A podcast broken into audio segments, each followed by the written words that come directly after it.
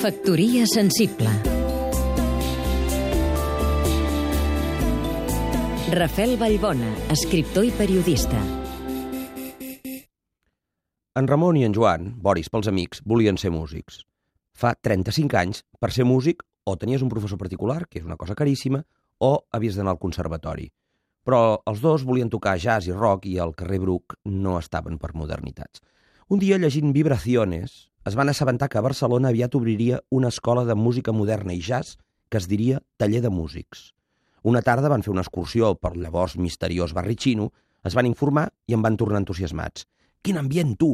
I fan classe en Dei Pibus, en Francesc Borrull i l'Eduard Altava, em deien eufòrics. Aprenien amb els mètodes més moderns, i molts dels seus professors efectivament eren els músics que després escoltàvem el Celeste o el Màgic. D'acord que el local era enrabassat, i que els pares arrufaven el nas quan sentien a parlar d'aquella escola plena de peluts amb pintes poc homologables per la generació de la postguerra, lògicament. Però els meus amics em van sorprendre una tarda marcant-se un Birland de Weather Report i jo literalment, i em perdonareu, vaig flipar. Allò sí que era senyal de que els temps estaven canviant.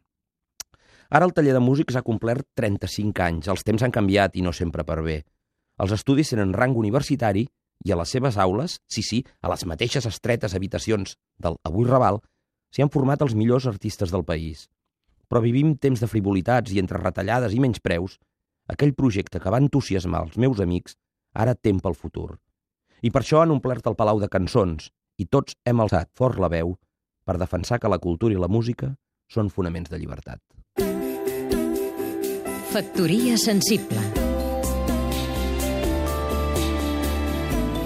Seguim-nos també a catradio.cat